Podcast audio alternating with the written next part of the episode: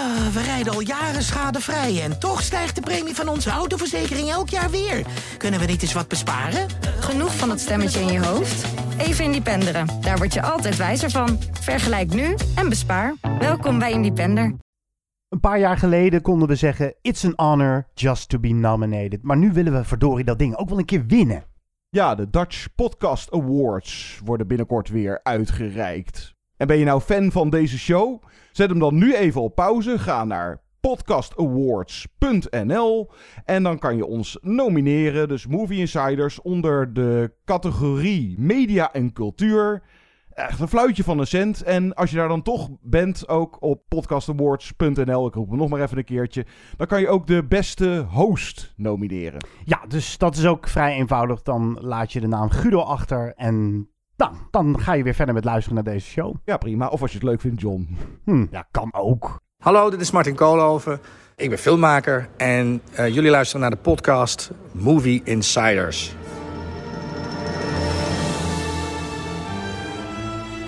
Good evening, ladies and gentlemen. We are tonight's entertainment. Movie Insiders. They're here. Why should I waste my time listening? Because I have a right to be. I have a voice. Groovy. Hallo allemaal, welkom bij Movie Insiders. Dat is de Nederlandse filmpodcast die je elke week vindt op het AD. AD.nl. Je kan ook ons vinden op Spotify en andere audioplatforms als Apple Podcast, Google Podcast. En stuur ons eens een mailtje. Misschien lezen we jouw pencil wel voor in een volgende aflevering. Movieinsiderspodcast.gmail.com Mijn naam is Guido. En mijn naam is John. We zijn uiteraard ook te vinden op uh, allerlei social media. Maar of dat nog in een goed daglicht staat na de bespreking van de film over de Deventer-moordzaak, de veroordeling, dat uh, fake nieuws, we horen het zo straks. We doen deze podcast geen top 5, geen. Jee of nee moeten we nog steeds een keertje terughalen. Dat zat ik eigenlijk van. Hadden we hier niet gewoon even tussen kunnen fietsen? Want mensen vragen er nog wel eens naar. Maar ja, we zijn al anderhalf jaar aan het bakkeleien wat we nou moeten doen met die rubriek. Moeten maar eens een knoop doorhakken. Ja, het komt uh, in wat voor vorm dan ook. Het komt een keer terug. Maar we doen drie en een halve recensie. Straks de bizarre, verrassende Gouden Palmwinnaar van Julia Ducournau, Titanen. En oh ja, er is ook weer een nieuwe Marvel-film uit. Shang-Chi and the Legend of the Ten Rings. Die twee films bespreken we. Tussendoor sta je nog kort even stil bij uh, het bijzondere Onoda. Ja, een Japanstalige film gemaakt door een Fransman. Boeiend, waar gebeurt, oorlogsverhaal zonder oorlog. Okay. Ik ga het zo uitleggen. Maar we beginnen met de grote Nederlandse release over. Ja, mijn geheugen werd ook een beetje opgefrist. Oh ja, die Deventer moordzaak. En Maurice de Hond. En de klusjesman. En uh, dit is de veroordeling. U hebt het gemunt op het geld van de weduwe Wittenberg. U weet dat u ongelijk heeft. Alles in mijn zaak is vervalst. Alles. Er ligt een vonnis. Dat kan ik toetsen. Als het waar is, dan zit hij onschuldig vast. En nu wil jij? Uitzoeken of het klopt. Wat is waar in de Deventer-moordzaak? Er was sprake van een andere verdachte. Hij beschikte over daderkennis. Dus noemen jou de klusjesman.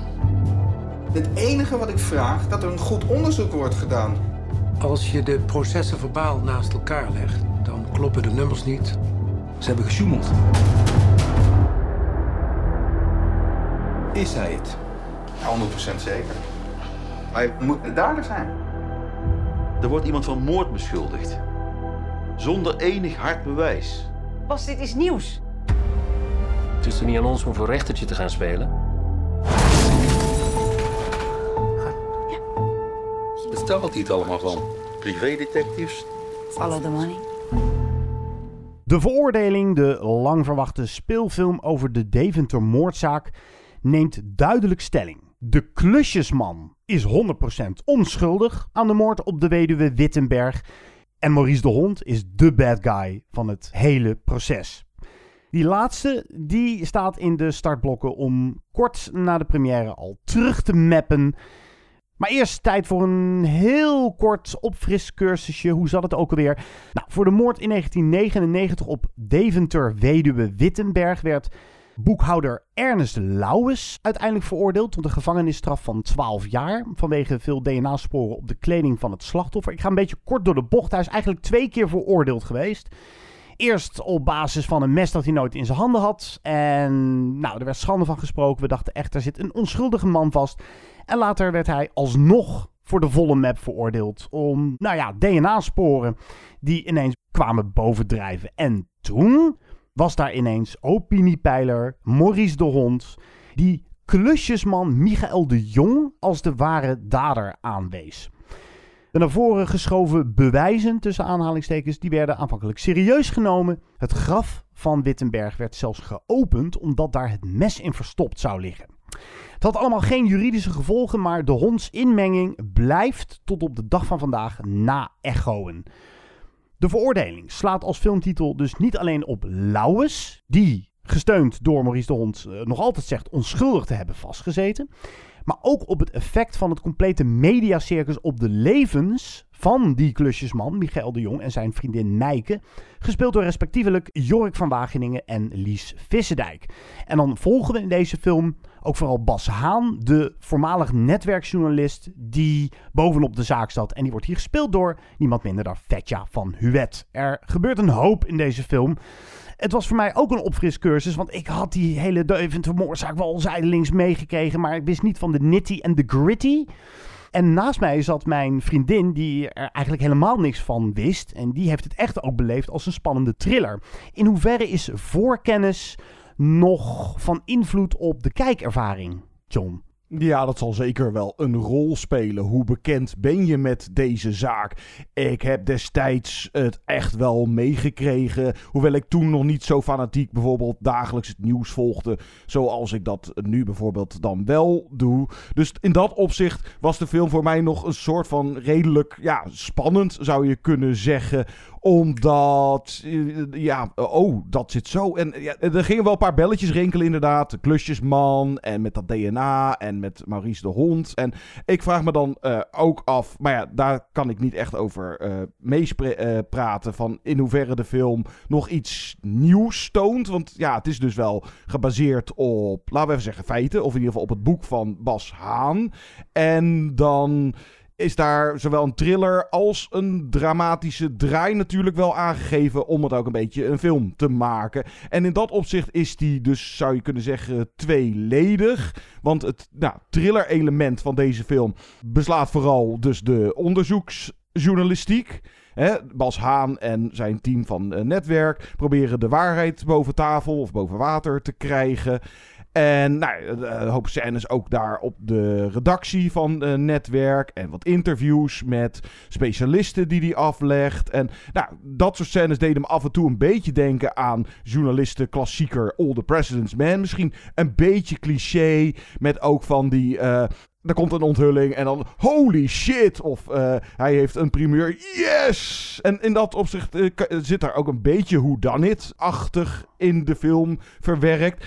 In hoeverre, Guido, ik kijk jou als professioneel journalist even aan. Is dat een goede verbeelding van nou, de redactie van een serieuze media?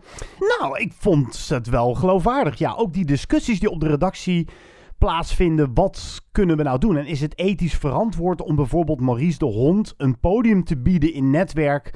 Terwijl die man gewoon een opiniepeiler is en ineens gewoon een andere dader aanwijst. In hoeverre moeten we daarin meegaan? En in hoeverre zijn wij als journalisten dan ook mede verantwoordelijk voor het, nou ja, het, het bekender worden van Maurice de Honds mening? Dat soort zaken. Maar toch ook wel het opportunistische kantje van de journalistiek. Dat je graag die primeur wil scoren. Ja, het is toch nieuws. Dus ja, En, en dat vond ik echt wel dat onwijze yeah gevoel. Dat ken ik wel. Ik had dat op een heel ander vlak. Uh, ik heb wel eens iets aan politieverslaggeving gedaan. En wel eens een moordzaak verslagen. Maar ik was vooral mediaverslaggever voordat ik uh, me volledig op film stortte. En dan had je eens een primeur over, weet ik veel, John de Mol. En dan kon je goed uit je dak gaan. En dan voel je je trots. En die trots die komt hier ook uh, uh, naar voren. En ja, vond ik geloofwaardig. En wat ik er heel mooi aan vind, is een van de meest belangrijke beslissingen is om een aantal delen, waaronder het element Maurice de Hond, dus de bad guy. Want dat is, ja, je zou het ook gewaagd kunnen noemen als jij gelooft nog steeds in de theorie van Maurice de Hond. En die heeft die uitvoerig op zijn website oordeelzelf.com Die kun je helemaal doorspitten en dan ben je daarna weer helemaal overtuigd dat de klusjesman misschien het geweest moet zijn. Deze film heeft wel de ballen om hem echt als, ehm, nou, de beschadiger aan te wijzen. Iemand die uh, een paar onschuldige levens uh, zou hebben verwoest en het mediacircus eromheen. En dat ze Maurice de Hond niet door een acteur laten spelen, maar daar puur inzetten op archiefbeelden. En ik sprak de regisseur, dat is Sander Burger. Die zei: Ja, we hebben natuurlijk best wel gesprekken gehad. of we misschien niet toch een acteur moesten aanwijzen voor Maurice de Hond. Maar ik ben zo bang dat Maurice de Hond dan zegt: Ja, maar zo heb ik het allemaal uh, niet letterlijk uitgesproken. En dan kun je daarna wel laten zien: Ja, wel, zo heb je het wel letterlijk gezegd, uh, meneer de Hond. Maar dan ben je al, of dan sta je al 1-0 achter. En nu ja, graaft hij min of meer zijn eigen kuil in deze film. En dat vond ik sterk gedaan. En dan denk je, ja, maar is het dan nog wel een film? Het antwoord daarop vind ik ook ja. Want de babbelscènes, om het maar even zo te noemen, op de journalistieke redactie en het boven water halen van nieuws worden afgewisseld met die ijzige stiltes in Huizen de Jong.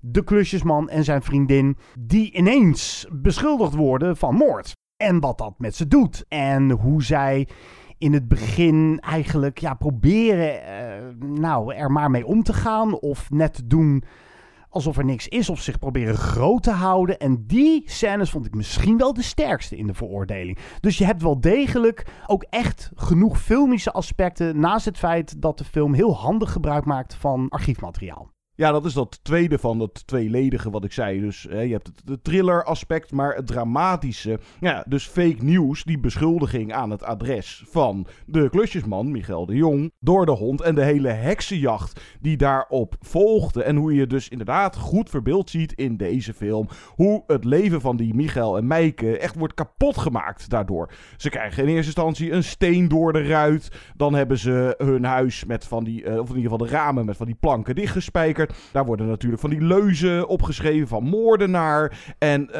helemaal gruwelijk dat ze op een gegeven moment zijn honden iets van nou, vlees met satéprikkers erin. Uh, en dan uh, uiteindelijk moeten ze verhuizen. En dat wordt goed voelbaar gemaakt niet alleen de angst bij die twee van inderdaad iedere keer er kan weer een steen door de ruit komen, maar vooral ook de onmacht van ja, wij worden hier of hij wordt hiervan beschuldigd, maar ja, in hoeverre kan hij zich verdedigen en uiteindelijk hij wordt er door dit hele gedoe, hij heeft zoiets van ja, ik ben gewoon onschuldig, waarom zou ik dat moeten? Hij wordt bijna gedwongen of in die positie gedreven om zich wel te verdedigen. En besluit dan dus uiteindelijk om die DNA-test dan ook maar te doen. Want, uh, en ondanks dat daar dus inderdaad uitkomt dat het DNA niet met hem matcht. Uh, het was sowieso een gok, want hij had ook uh, een match ermee kunnen zijn. Maar hij geeft terecht ook aan, als het al met mij ook matcht, ja, hoeveel ver, verschil is er dan? Want dat verandert niks aan de situatie waar ik nu al in zit. En dit hebben ze nooit meer van zich af kunnen krijgen. Want ze blijven nu voor altijd verdacht omdat die Lauwes, de, wat is het, de boekhouder, die dus inderdaad ervoor vast heeft gezeten. Ja, dat is ook nooit 100% zeker geworden. Dat door of justitie of uh, nou ja, dat er gezegd is van ja, er is geen twijfel meer mogelijk. Die heeft het absoluut gedaan. Nou ja, hij is wel veroordeeld. Ja, nee, dus, ja, ja. met betrekking tot de klusjesman. Ja, het is, het is gewoon niet hard genoeg ontkracht, deze beschuldigingen van de hond uh, en al die uh, die erachteraan liepen? Nou ja, ik heb het Bas Haan gevraagd in een interview dat ik uh, met hem had en ook met Vetja van Uwet en Sander Burger, de regisseur. Ik vroeg aan Bas, hoe kijk je nu naar Lauwes? En hij zegt, nou ja, wat je van Lauwes vindt, dat mag je lekker zelf weten. Ik vind, en met ik bedoel ik dan Bas Haan, de journalist, ik vind, of ik, ik snap dat hij veroordeeld is op basis van dat DNA-materiaal. Daarmee wil ik niet zeggen dat hij het 100% gedaan heeft, maar ik snap wel dat dat voldoende is om iemand te veroordelen voor een gevangenisstraf, voor moord.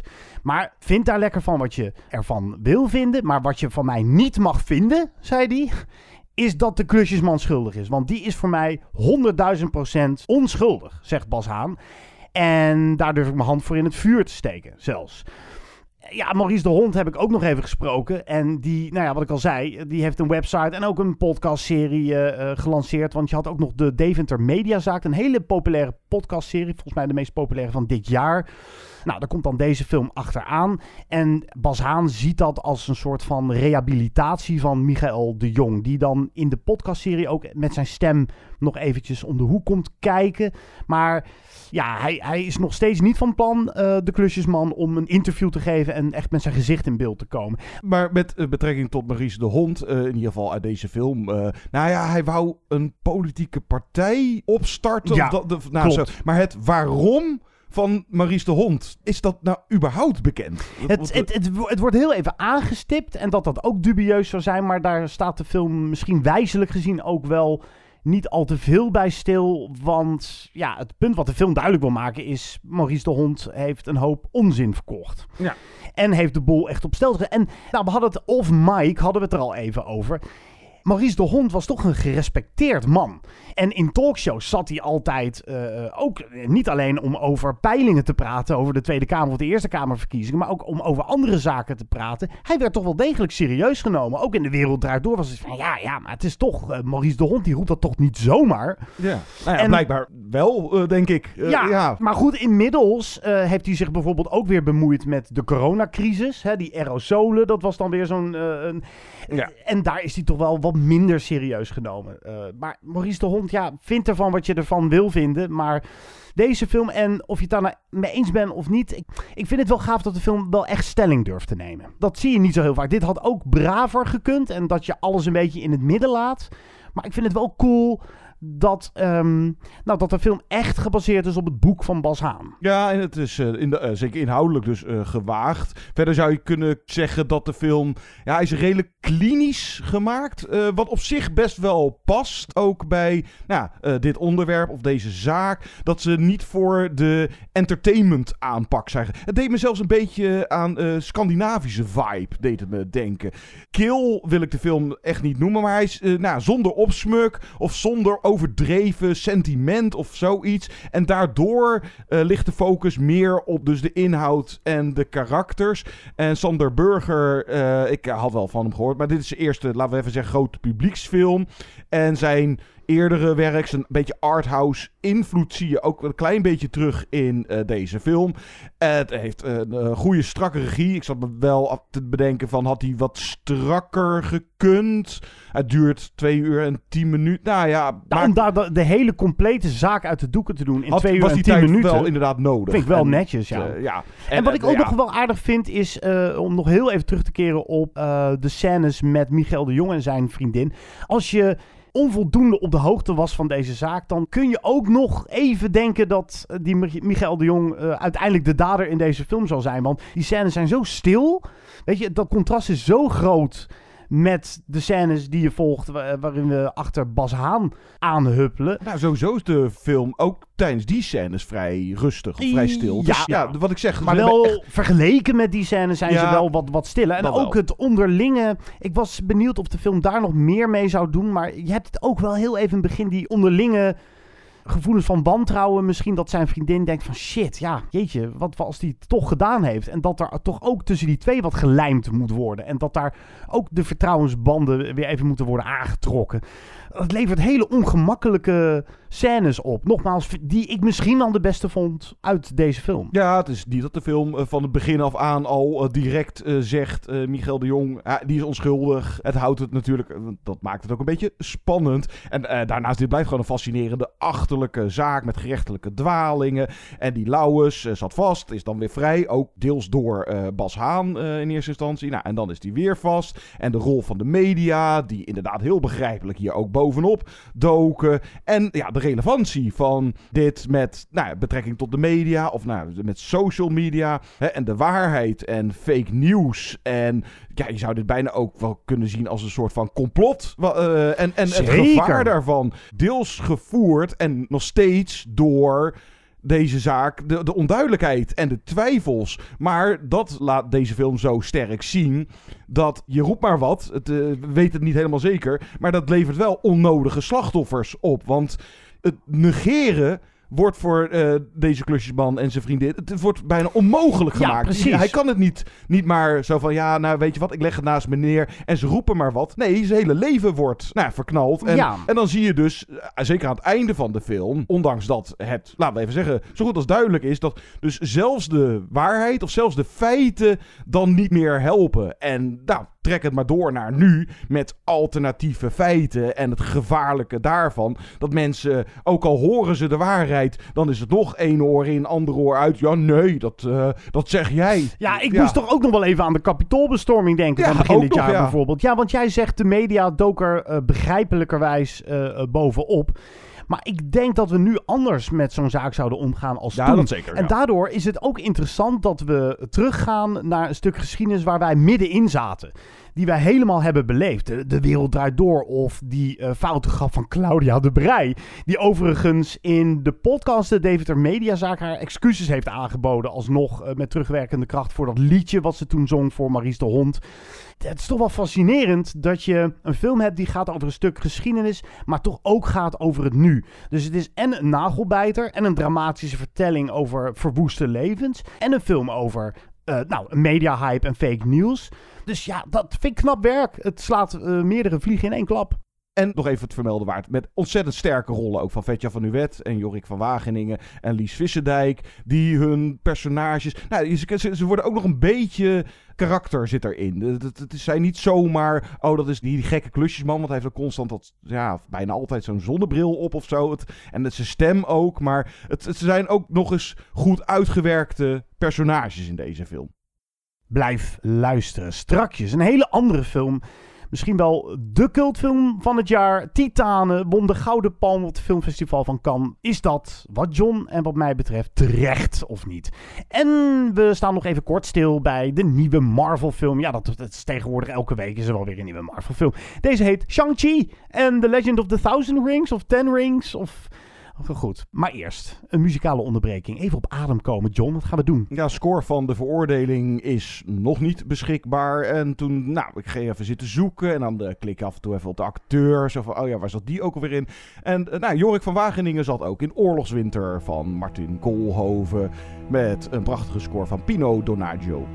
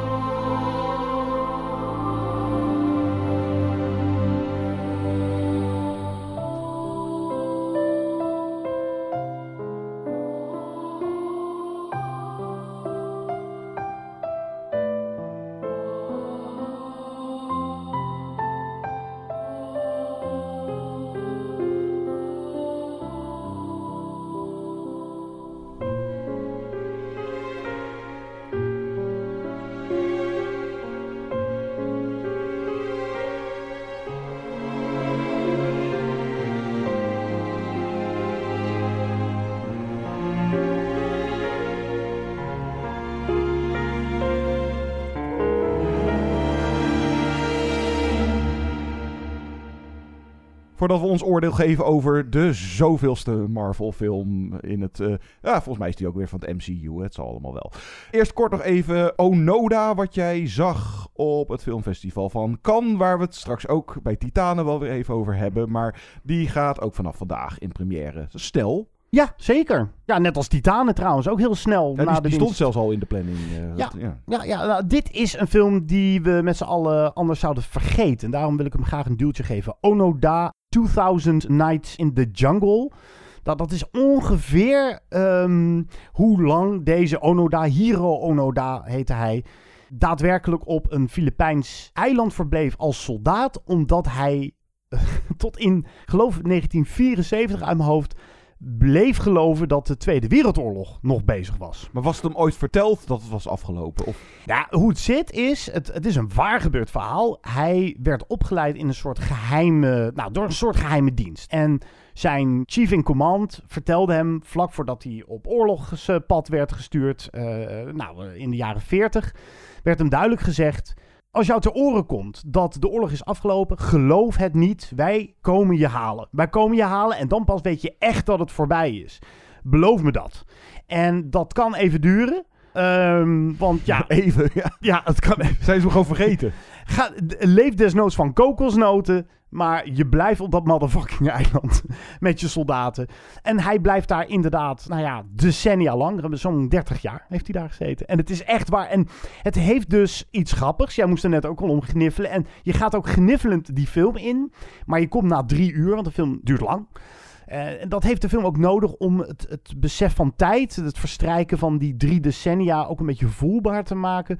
Dan kom je er toch, en dat vind ik heel knap, uit met ja, wat meer complexe, contrasterende gevoelens over Onoda. Namelijk dat het, hij is ook een gevaarlijke gek. Maar hij is ook het slachtoffer van indoctrinatie. En het is ook ergens een beetje, ja, het is ook een naïveling, maar het is ook een trieste antiheld. En dat zit allemaal in deze film. En wat ook heel boeiend is, is nou ja, dat je op een gegeven moment hem. Je begrijpt waarom die daar is gebleven. En waarom die zelfs ook een aantal soldaten heel lang bij zich wist te houden. Hoe dat precies zit, dan moet je de film maar voorzien. Wat ik vooral ook gaaf vond aan deze film. Ik ga het echt niet eh, vergelijken met het werk van Akira Kurosawa qua kwaliteit. Maar het heeft wel die vibe. Ik heb eindelijk weer eens het gevoel dat ik een beetje naar een Akira Kurosawa-achtige western zat te kijken. Die... Eastern is het dan, hè? Easter moet je dan zeggen. Maar je begrijpt wat ik bedoel. Eh, traag en met, met, ja, met, met grootse, bijna Shakespeareaans drama in het midden. En ja, dit was echt eh, een van de grote verrassingen van het filmfestival van Cannes. Dus natuurlijk, iedereen is nieuwsgierig naar Titana. Althans een beetje eh, doorgewinterde filmfan. Maar vergeet deze absoluut niet eens aan te zetten. Nou, die Marvel maar even doen. Het is nummer 25 uit de MCU. Shang-Chi en The Legend of the Ten Rings. What happened to your shirt? All I ever wanted was a normal life. My son, the Ten Rings, gave our family legendary power. Show me you are strong enough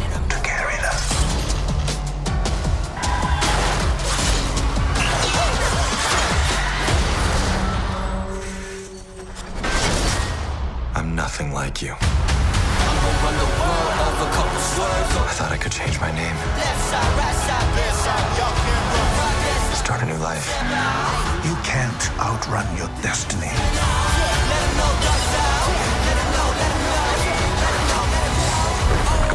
I'm not afraid of you. Ja, je moet altijd even een beetje context eh, schetsen van ja, waar gaat het dan over? Nou, Shang-Chi is opgegroeid in China en zijn moeder is op wat jongere leeftijd overleden. En nou, zijn vader, die leeft al duizend jaar of zoiets en die heeft magische ringen, waardoor hij zo lang kan leven en eh, speciale krachten. En nou, hij is inmiddels, wat was het... eh, tien jaar daarvoor of zo verkast naar Amerika. Werkzaam in San Francisco als. Hoe noem je dat? Eh, dat je auto's parkeert? Daar is een eh, naam voor, whatever. Ja, Eh, voor een, een of ander luxe eh, hotel. Met zijn leuke collegaatje Aquafina. En dan, nou, opeens zijn er bad guys en er vindt een, een gaaf busgevecht eh, plaats. En nou, hij moet weer terug naar China en komt weer in contact met zijn zusje, waar hij al jaren geen contact meer mee had. En dus dan zijn vader. En dan is er ook nog een of andere eh, rare eh, magische wereld die je niet zomaar kan vinden. En nou ja, het is een superheldenfilm, de, dus het gaat alle kanten op. Ja, weet, je wat, weet je wat ik tegenwoordig heb, John? Het is bij de zoveelste Marvel toch even benieuwd weer in hoeverre ze durven af te wijken van het Marvel-schabloon. En tegenwoordig zie je Marvel-films die werken volgens dezelfde formule, maar dan net weer wat varianten daaraan toevoegen, waardoor het net weer even afwijkt van wat je eerder zag. En ook hier zitten een aantal nieuwe elementen. Er zit één verrassingselement in. En die houden we maar even Die voor houden we ons, ja. voor ons, want ik ben nog even naar Wikipedia gegaan, maar daar wordt de acteur ook niet genoemd. Maar nou, daar wordt leuk teruggegrepen op een, een Marvel-film van ver terug, in ieder geval. En die zag ik niet aankomen. Dat vond ik leuk en dat is ook een van de eh, aardigste elementen. Voor de rest is het de eerste martial arts-driven Marvel-film. Marvel Arts. Marvel Arts. Oh, daar was ik nog niet eens zelf op gekomen. En dat is nog wel aardig. Het is, het, is het een complexe bad guy? Dat vind ik wat ver gaan. Maar eigenlijk krijgt de bad guy bijna evenveel aandacht als Shang-Chi zelf. Ja. En dat is dan wel aardig. Het, is een, eh, het zijn vader en zoon. En vader en zoon hebben een uh, moeizame band. En dat dat een beetje aannemelijk wordt gemaakt, vind ik dan nog een van de aardigste elementen in een film die verder toch wel weer als een blueprint aanvoelde hoor. Ja, in veel kijk, opzichten. Het is Marvel en wat we tot nu toe uh, constant met al die Marvel MCU films hebben meegemaakt. Het is eigenlijk altijd prima. En soms is het wat beter en soms weer wat minder. Maar echt iets nieuws of heel erg verrassends. Nou ja, voor de afwisseling is dit inderdaad dan een keertje Marvel Arts. Uh, het speelt wat meer in, uh, in Azië of in dit geval dan in China. En kijk, dat dit dan een onbekende superheld. nou ja, dat, zal per persoon verschillen. Maar voor mij is dat al heel snel. Het houdt een beetje op bij de Batman en de Sp Spider-Man en de, de bekende. En dit was echt zo van, ja, het zal wel. Nooit van gehoord. ik lees Ze geen kunnen mij ook alles wijs maken dit jaar Eternals. Het zal wel, joh. Ja, ze waren natuurlijk uh, door uh, de bekende iconen waren ze heen. Dus dan is het... Maar in dit geval, en dat gevoel had ik al een beetje voordat ik überhaupt de film had gezien. En zeker ook tijdens en na het kijken van de film. Het gevoel van dat deze ook grotendeels misschien wel ook gemaakt is voor de Chinese markt. Want er wordt best wel wat Chinees ook ingesproken. Misschien is het maar 10%. En dan switcht het telkens tussen... Ze beginnen in Chinees en dan gaan ze over in het Engels. En dan zat ik ook van... Ja, hallo, maak dan een keuze. Het is of je spreekt Chinees...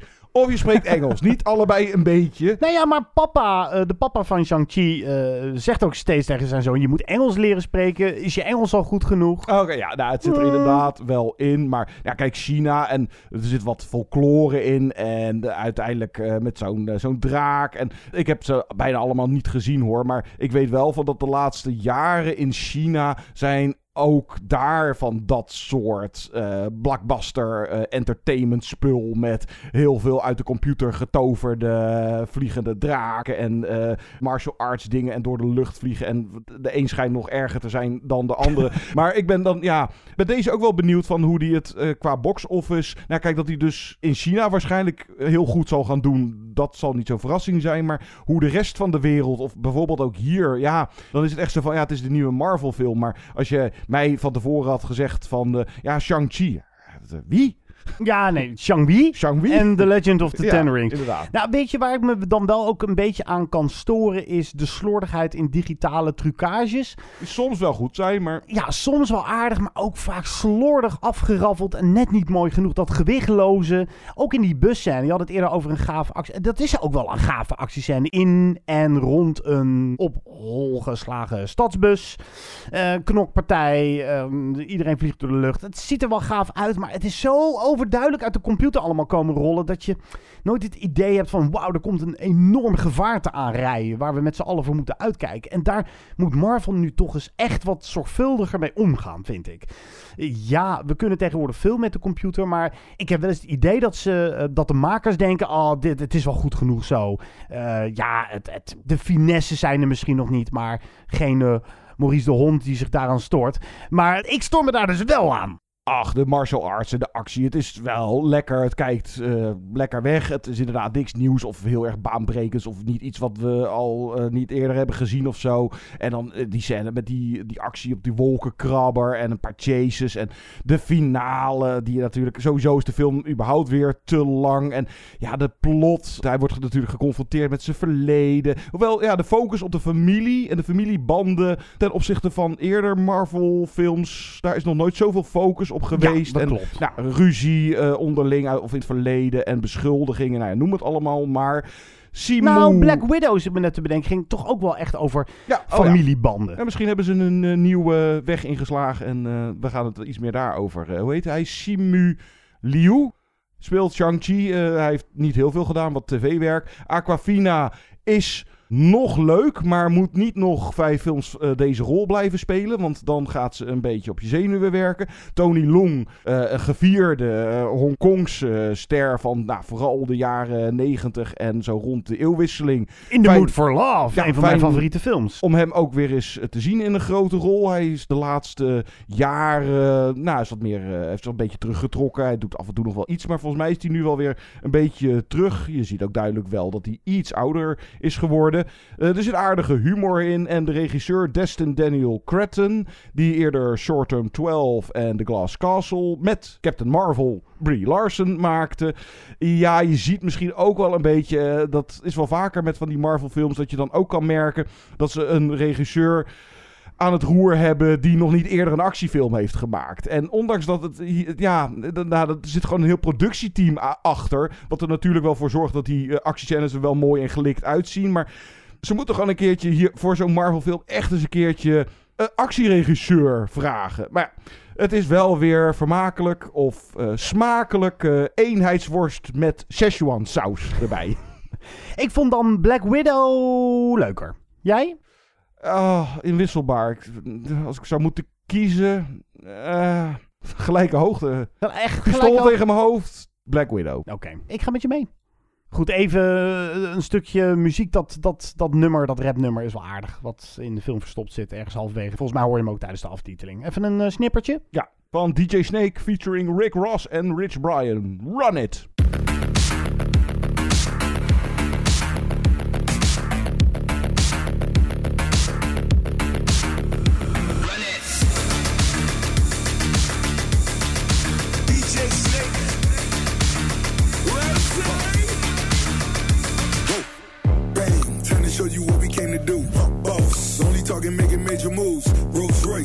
Top. Me, no one will ever stop. Me, me against the world, I got my back against the wall. Oh, no, I'm hellbound, oh, but I'm well now. Oh, on the road to riches, I can never lay around. Oh, so don't make a sound unless you make it loud. Everybody scream, everybody scream, everybody scream. That's my only thing. Yes, I'm a born winner, a Jordan 23. All my people G's until the party cease.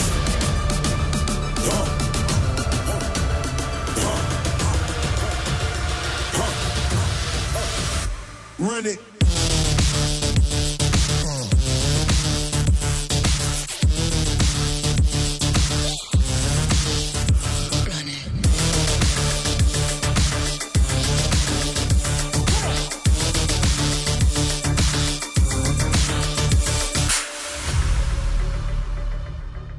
Nou, brace yourself.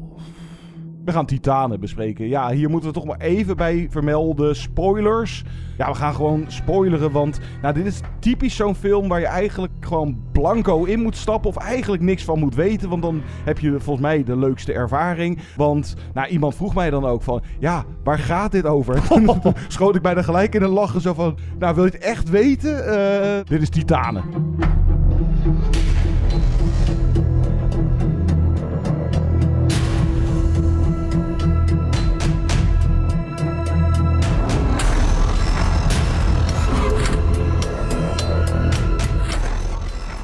Titanen, de polariserende en verrassende winnaar van de Gouden Palm op het afgelopen filmfestival van Cannes. En ik denk misschien ook wel de meest afwijkende winnaar uit de geschiedenis van het filmfestival. En nog even vermelden waar het pas de tweede keer dat een film van een vrouw won na Jane Campion met de piano, Julia Ducournau de regisseuse die eerder hiervoor het ook al interessante Graaf of Roll maakte. Dat ging over kannibalen. We gaan dus nu volledig in de spoilermodus. Dan weten jullie het vast. Alexia, een dappere rol van debutante Agathe Roussel, heeft na een auto-ongeluk in haar jeugd een titanium plaat in haar hoofd. En sindsdien hebben auto's een enorme aantrekkingskracht op haar. Ze werkt als danseres bij een autoshow en, hou je vast, heeft seks met en wordt zwanger van een auto. Maar het wordt nog gekker.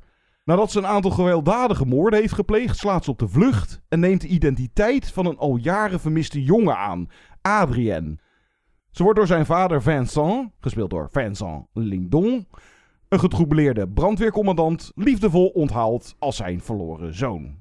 Je zag hem nog niet op het filmfestival van Cannes, daar heb je hem gemist. Maar Guido, hoe had je op de winst gereageerd als je hem daar al had gezien? Dan was ik toch wel stijl achterover geslagen, moet ik je zeggen. Net als veel van mijn collega's die hem wel zagen in kan en dit niet voelden aankomen. Het gonste wel van de geruchten. Nou, niet geruchten, het was meer de vibe. Hoe gaaf zou het zijn als gewoon dat Titanen die gouden palm zou winnen? En dat gebeurde dus. Met Spike Lee aan het hoofd van de jury. Er is altijd een jury van een, uh, nou, mannetje of uh, tien. Die buigt zich over alle competitiefilms. Ik geloof dat die, eh, hoe heet hij ook alweer, die acteur Sang Kang-ho uit eh, de Bong Joon-ho films, zat volgens mij ook in de jury. Ah, en, nou, anyway, Titanen is geschift. En dit is eh, David Cronenberg Crash geschift. En misschien nog wel... Geschifter. Geschifter. Maar ik snap het toch ook weer wel. Want ergens is dit de ultieme queer film. Dit gaat over. Als je het erin ziet. Ja, nou ja, ik zag het er wel in. Het, het gaat over een vrouw die geen vrouw mag zijn. Het gaat over een vrouw die haar biseksualiteit omarmt en daarin nou, niet serieus wordt genomen, zou je misschien kunnen zeggen. Het is daardoor ook misschien een feministische film. En daarin eh, maakt Julia Ducournau niet alleen een statement. Het lijkt wel alsof ze gewoon twee middelvingers uitsteekt van die hele queer discussie. Hier, hier heb je gewoon een, een, part lady, part man en part machine in één. Ja, dat is het. En dat vond ik wel gaaf. Het is eh, alsof ze een einde wil maken aan die hele discussie. Dit is dan wat je krijgt. En een film die, wat mij betreft, als meest verrassende element heeft, dat die nog redelijk ontroerend is. Dat had, zag ik totaal niet aankomen. Hij begint redelijk geschrift. En dan heb je die, de tweede acte, vind ik een beetje raar. Maar het is echt ergens. Nou, op twee derde dat de film het eh, verhaallijntje kiest over die brandweercommandant. Die in deze vrouw eh, zijn verloren zoon ziet. Hij is niet alleen getroubeerd, hij loopt echt met een trauma Ja, rond. en je kan je sowieso afvragen of hij al direct doorheeft dat het zijn zoon niet is. Ja, en dat- dat denk ik wel. Ja, accepte- Of hij kiest er gewoon voor van, nou, dat is gewoon mijn zoon en we zien wel eh, hoe dit uitpakt. Ja, en hij zegt op een gegeven moment ook letterlijk: eh, joh, eh, wat er ook gebeurt, je bent mijn zoon. Ja. Dat je dat even weet. Ja, hij komt er uiteraard wel achter. Dat, ja, en het- de grap is ook wel een beetje dat dit zijn zulke afgedwaalde figuren dat ze wel bijna bij elkaar moeten komen.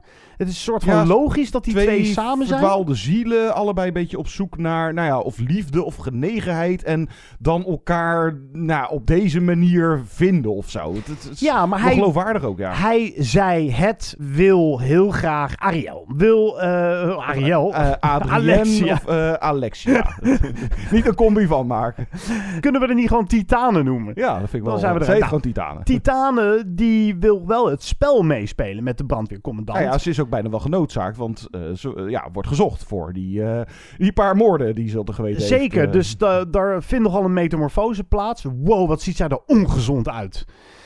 Kaalgeschoren, ingevallen eh, oogkassen. eh, en, en ze is dan ook eh, zwanger. Maar die zwangere buik, die tapet ze zo goed als ze kan weg tot het ja, niet en- meer en de- kan. en de borsten. En de Ja. borsten. Maar zij lekt olie uit de borsten. Er, er vinden scheuren plaats in haar buik. En dan weet je al, nou ja, ik, ik werd op een gegeven moment heel nieuwsgierig wat eruit zou komen. En wat er dan uiteindelijk uitkomt, we zitten in de spoilermodus, is toch ook een, een kind met wat titanium Ja. ruggenwervels en zo. Maar die slotscène, nou, dat, dat maakte de film voor mij dan, trok mij over de streep. Weet je, in hoeverre blijft zo'n film als Titanen hangen in het weird zijn? Of is het toch wat meer dan dat? Maar het is voor mij toch wat meer dan dat, omdat het toch... Het ontroerde me toch ergens ook op een hele vreemde manier aan het eind. Dat vind ik knap. Ja, dat vond ik ook opmerkelijk. Want hij wordt een soort van emotioneel. Gaandeweg de film, inderdaad. Want nou, het was vooral eh, tijdens het kijken. Mijn eerste reactie was ook van: wow, what the fuck is dit nou weer? Laatst riepen, geloof ik. The Green Knight is de cultfilm van het jaar. Nou, daar gaat deze nog eens even overheen. Ja. En ik liep ook echt de zaal uit van: wat heb ik nou weer gezien? En ik zat vooral ook direct van: ja, wat wil zij, eh, de regisseuse Julia Ducournau, hier nou vooral mee zeggen? En ik had zelf wel een beetje eh, een idee naar. En ik las ook eh, een interview met haar. Daar werd ik ook niet heel veel wijzer van. Ze zegt gewoon: ja, het is gewoon titanen. Het is wat het is. En ze laat het ook een beetje open van: het is maar wat je er zelf in ziet. Haal lekker je eigen interpretatie eruit. En daar ben ik ook wel een voorstander van. Dat regisseurs dan niet zeggen van: ja, het gaat daarover, punt. Ik las deze dan wel van: nou, het gaat over onvoorwaardelijke liefde en de acceptatie van de ander. Ja, oké, dat zag ik er inderdaad ook wel in. En inderdaad, ja, seksualisering van vrouwen, of misschien ook wel van auto's. En het feministisch aspect. En dan natuurlijk inderdaad transformatie, gender. eh, maar ook bijvoorbeeld contrasten die erin zitten: metaal en vuur, koud en heet.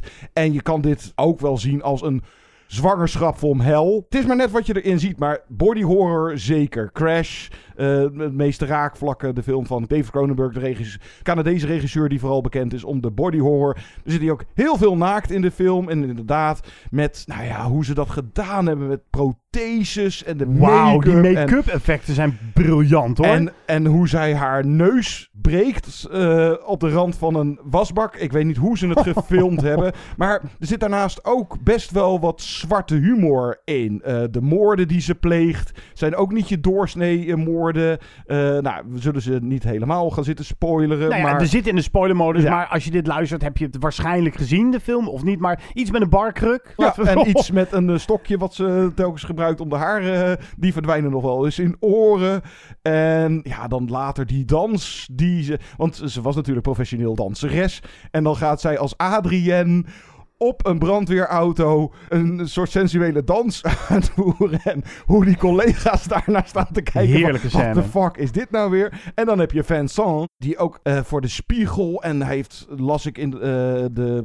waarvan- weet ik niet meer. Of in het interview. notes, of, ja. of zo, zoiets van eh, een jaar lang ook aan krachttraining gedaan. Om zo'n li- zijn lichaam is ook bijna weer een soort van body horror. En dan is de film daarnaast ook nog eens enorm stijlvol. Met eh, het kleurgebruik. Sommige scènes eh, zijn met een kleurenfilter. En het camerawerk met dat tracking shot in het begin door die autoshow. En dan de belichting. Dus het is daarnaast visueel ook nog eens een tractatie. Ja, eh. nee, kijk, dat die Julia Ducournau talent heeft als cineaste, dat mogen duidelijk zijn. Dat geeft deze film ook wel meerwaarde. Het, het druipt van het filmische. Het filmische druipt er vanaf, zo moet ik het zeggen. En nog heel even naar die Vincent. Wat spuit hij nou in zijn reet? dat is testosteron. Zoiets, eh, ja. Maar hij wordt er ook half high van. Of hij is op een gegeven moment is hij helemaal van de wereld. En dan voelt zij toch een soort verantwoordelijkheid. Titane voelt een zekere verantwoordelijkheid naar deze man toe. En ja, die tedere scènes eh, maken het voor mij wel af.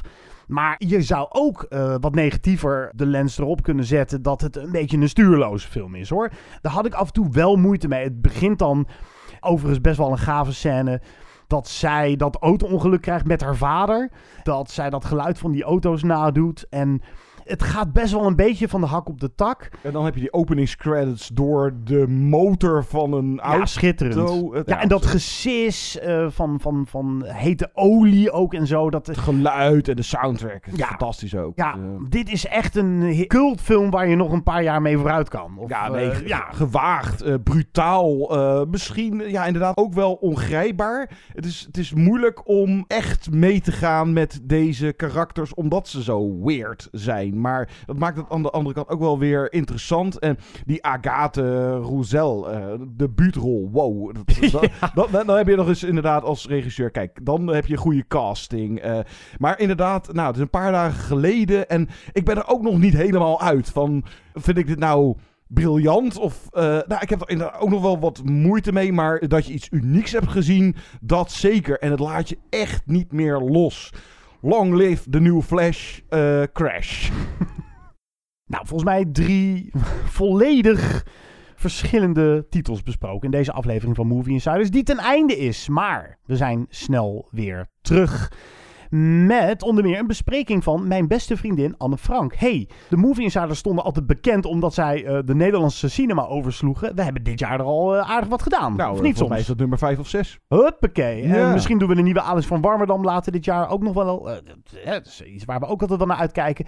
We doen zelfs een top 5 beste Nederlandse films. Die hebben we wel eens eerder gedaan. Maar nou, daar gaan we gewoon eens, nog eens met een revision. Of hoe zeg ja, je dat? op herhaling even kijken of er misschien nu wat verschillen zijn. Of eh Nederlandstalig, dan kan je Vlaanderen ook meepakken. Nou, oh, dat dus heb jij gedaan, ja, hè, het, geloof eh, ik. Ja. Hm. En we staan ook nog heel even kort stil bij een Russische film die de moeite waard is. Die al even te zien was op het IFFR, het International Film Festival van Rotterdam. Dear Comrades. Tot die tijd, laat van je horen. Je kan bijvoorbeeld een reactie geven op Twitter, at MovieInsight, of op Facebook. En vind en like en deel ons, deel ons eens een keertje op Facebook. Dat eh, kan ook. Dan, eh, misschien mensen die ons nog nooit eerder gehoord hebben. Als jij enthousiast bent over deze show, deel het met anderen. Graag. En ja, vermeld er dan ook gelijk nog even bij van ga dan ook naar podcastawards.nl, eh Movie Insiders bij Media en Cultuur. Dan, nou, we gaan, we gaan hem een keer winnen. Het moet gewoon gebeuren. Die Dutch Dat, eh, Podcast ja. Award, die moeten we een keer winnen, John. Kom op nou. Ja, verder, je kan onze mailtje sturen, movieinsiderspodcast.gmail.com. We zitten ook op Instagram en natuurlijk iedere week op ad.nl. We gaan eruit met, ja helaas, de soundtrack van Titanen is fantastisch en heel toepasselijk. Van die componist Jim Williams, die ook eerder Graaf deed. En ja, possessor van de zoon van, eh, dus dat is dat Brandon Cronenberg. Echt een beetje, eh, die maakt van die weirde... Jim Williams, die deed toch ook Jaws en E.T.? Oh nee, dat, was, dat is John. Dat is geen familie, John. geen familie van, denk ik. Of Nee, ik eh, geloof niet. het, eh, maar ja, die soundtrack is helaas... Nou of in ieder geval die score. Er zit een embargo op of zo. Het, nou, hij is er nog niet. Dus dan gaan we eruit met eh, een nummer wat gebruikt wordt in de soundtrack. En dat is ook wel gaaf. Dat is dat een nummer wat dan speelt tijdens dat zij daar op die eh, auto ligt te kronkelen. Nou, op de auto ligt een konkel. Ze bedrijft de liefde met de Ja. auto. Met het metaal, John. Dat is het toch gewoon? Nou, later eh, heeft ze daadwerkelijk seks met de Oh, auto. oh, dit is al eerder. Ja, Ja. dit is eerder. Oh, de dat is een autoshow. lekkere scène is dat. Het heerlijke nummer van The Kills, Doing It To Death. Tot de volgende keer. Tot snel.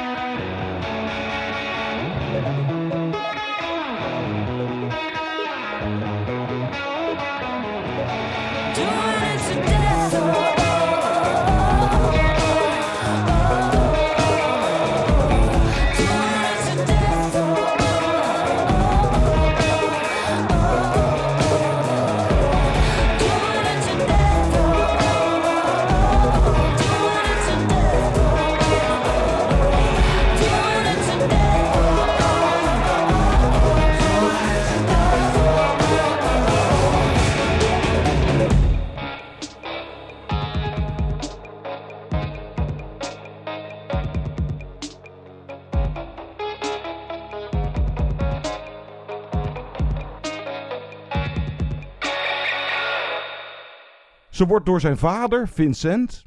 Vincent. Vincent. Vincent. Ze wordt door zijn vader, Van, Vincent. Vincent. Vincent. Vincent. Ze wordt door zijn vader, Vincent... Ik zeg wel Vince- Vin, Vin, Vinnie. Vincent. Vincent? Vincent. Vin, Vin. Vin. Vin van Vin Rouge. Ja, oké, Sang. We worden dagelijks overladen met overbodige informatie. En het is moeilijk de zin van de onzin te scheiden. Daarom vertrouw ik op echte journalisten in plaats van meningen. Een krantenmens heeft het gemakkelijk. Word ook een krantenmens en lees je favoriete krant nu tot al zes weken gratis. Ga snel naar krant.nl. Bezorging stopt automatisch en op deze actie zijn actievoorwaarden van toepassing.